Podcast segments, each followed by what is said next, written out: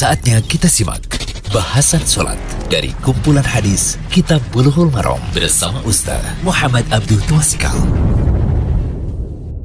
Alhamdulillah, salatu wassalamu ala rasulillah wa ala alihi washabihi wasallam Kali ini kita berada di audio ke-190 dari pembahasan kitab Bulughul Maram Karya Imam Ibnu Hajar Asqalani, kitab sholat, fadlu sholatil jama'ati wal imamati Keutamaan sholat berjamaah dan masalah imam Hadisnya hadis ke-411 Imam anak kecil belum balik Bagaimana hukumnya?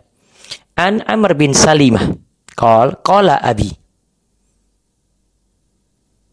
Ji'tukum min indi Nabi sallallahu alaihi wasallam haqqan. Qal fa idza hadaratis salatu falyu'adzin ahadukum wal ya ummakum aksarukum Qur'anan. Qal fa nadharu falam yakun ahadun aksara Qur'anan minni faqaddamuni wa ana ibnu sitti au sab'i sinina. Rawal Bukhari wa Abu Dawud wa Nasa'i. Dari Amr bin Salimah radhiyallahu anhu. Ia mengatakan bahwa bapaknya, bapaknya berarti Salima itu berkata, aku sampaikan sesuatu yang benar-benar dari Rasulullah Sallallahu Alaihi Wasallam. Beliau bersabda, bila waktu sholat telah datang, maka hendaklah salah seorang di antara kalian mengumandangkan azan. Dan hendaknya orang yang paling banyak menghafal Al-Quran di antara kalian menjadi imam. Amr berkata, lalu mereka memeriksa dan tidak ada seorang pun yang lebih banyak menghafal Al-Quran melebihi diriku. Kemudian mereka menyarankan padaku untuk maju menjadi imam padahal usiaku saat itu ya usiaku saat ini masih enam atau tujuh tahun. Padahal usiaku masih enam atau tujuh tahun. Faedah hadis. Hadis ini menjadi dalil bahwa yang lebih banyak hafalan Al-Quran lebih didahulukan menjadi imam. Akro dalam hadis lainnya yang dimaksudkan adalah yang paling banyak hafalan Al-Qurannya. Namun, Imam Syafi'i rahimahullah mengatakan al-akro dari kalangan sahabat adalah yang paling fakih. Ya, yang paling fakih. Jadi bukan hanya sekadar dia banyak hafalan Al-Quran. Yang kedua, urutannya menjadi imam dalam madhab Syafi'i. Satu, yang paling fakih.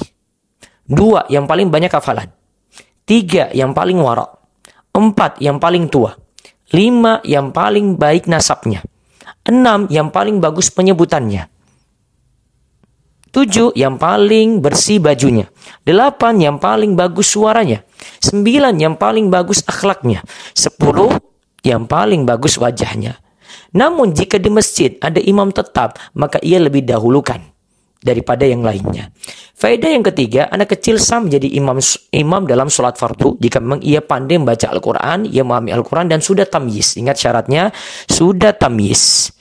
Terus yang keempat, anak kecil boleh mengimami orang dewasa dan yang berusia tua. Namun, imam anak kecil yang memimpin kaum balik atau dewasa itu khilaful aula menyelisih hal yang utama.